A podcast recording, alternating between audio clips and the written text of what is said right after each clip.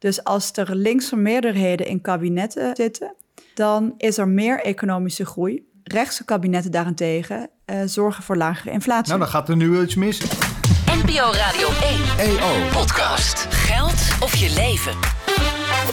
De vraag van vandaag. Met Sandra Flippen en Sander Heijnen. We gaan naar Casper. Casper heeft op deze morgen, we hadden, gisteren een leuke vraag over de rentelasten. Nou, ik kan jullie uh, voorspellen, dit is ook een, een leuke vraag. ik vind, we moeten zelf best wel om lachen en ik vind het een goede vraag. Casper zegt, of die vraagt eigenlijk, is het beter voor de economie als er een linkse of als er een rechtse regering is? Ja, nou, kom er maar in. Ik moest er heel erg om lachen. Ik denk, het hangt een beetje vanaf of je dat aan een links- of een rechts-econoom vraagt.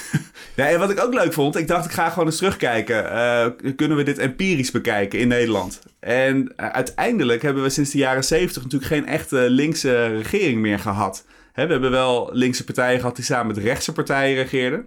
Dus op basis van die empirie is het eigenlijk best wel lastig om dit zomaar te zeggen. Mhm. en, en verder, als je kijkt naar de verkiezingsprogramma's van, uh, van de grote partijen, zowel links als rechts, die zijn allemaal voor economische groei.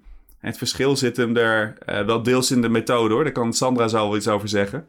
Maar volgens mij het grote verschil tussen links en rechts op dit moment is van, uh, als je die groei hebt, hoe ga je die verdelen? Volgens mij is daar meer de spanning dan, dan tussen de vraag, wil je die economie laten groeien? Ik ben benieuwd, misschien dat Sandra mij zo wel gaat corrigeren, maar ik heb, ik heb ook het idee stiekem dat... Dat, dat de overheid ook weer niet zoveel invloed heeft op uh, de groei van de economie. Maar dat het ook gewoon mondiale conjunctuurbewegingen zijn. Waar we als Nederland uh, wel van alles op kunnen claimen. Maar we toch ook een beetje meeademen met wat er bijvoorbeeld in Duitsland, China en de Verenigde Staten gebeurt.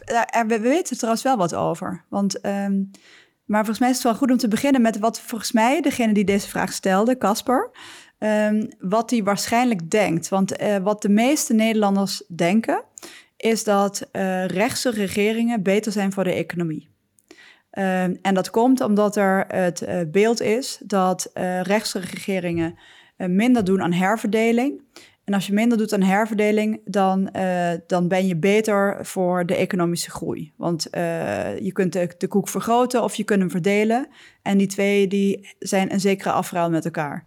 Maar het leuke is, um, de, uh, er is in ESB, het economenvakblad, uh, is hier onderzoek naar gedaan uh, in de afgelopen decennia door een econoom Sam de Muik. En daar heb ik even naar gekeken. Je kunt het ook opzoeken als je daar meer over wil weten. En dan zie je dus eigenlijk het tegenovergestelde. Dus als er linkse meerderheden in kabinetten zitten, dan is er meer economische groei en is er lagere werkloosheid. Um, rechtse kabinetten daarentegen uh, zorgen voor lagere inflatie. Nou, dan gaat er nu iets mis. Ja, nee, en dat, maar de, wat ik daar, de, wat ik daar, ik heb dus dat stuk gelezen naar aanleiding van die vraag van Caspar. Um, want ik vond het inderdaad een hele leuke vraag. Maar ik dacht, uh, er valt wel iets op af te dingen. Uh, en dat is namelijk dat eigenlijk precies zoals Sander zei, je kunt eigenlijk heel moeilijk met beleid de economie heel direct sturen. Uh, en als je beleid uh, maakt, dan kan het vaak een half jaar duren voordat dat echt effect heeft. Of misschien nog wel langer. Um, dus het gebeurt vaak. Bijvoorbeeld in Amerika zagen we toen Obama best wel links beleid voor die Amerikanen, Amerikanen introduceerde.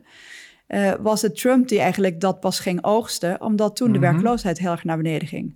En hij in zijn eerste maand van zijn aantreden al direct zei: Kijk wat mijn aantreden al doet met de economie, de werkloosheid gaat naar beneden. Het kan best wel zijn dat je uh, de resultaten van je voorganger erft. Um, en het zou dus ook zo kunnen zijn dat um, als het heel erg goed gaat met een economie, uh, mensen eerder uh, linkse partijen kiezen. Terwijl als het slecht gaat met een economie, mensen misschien wel eerder rechtse partijen kiezen om de economie zoals ze denken, op orde te brengen. En waar ik ook nog over zat na te denken. Kijk, het succes van het kapitalisme is uiteindelijk dat er een grote middenklasse is gecreëerd die heel veel koopkracht hebben. dat is hoe we het, hoe het kapitalisme in, in, uh, in Europa en Noord-Amerika na de Tweede Wereldoorlog echt een enorme turbo hebben gegeven. Dat er gewoon een hele grote groep kwam van consumenten. En uiteindelijk is dat wel het gevolg van herverdelingsbeleid en van sociale wetgeving die maakt dat, uh, dat het geld redelijk gelijkmatig over de samenleving verspreid is. En, en, en in die zin uh, denk ik dat er uh, wel iets voor te zeggen is dat je, dat je op dit moment de economie wel zou kunnen versterken door, Door toch iets progressiever, linksiger beleid te voeren. Klein afslagje naar links, Sa- Sandra. Ja, ik denk, kijk, te veel ongelijkheid is eh, volgens mij niet goed voor de economie.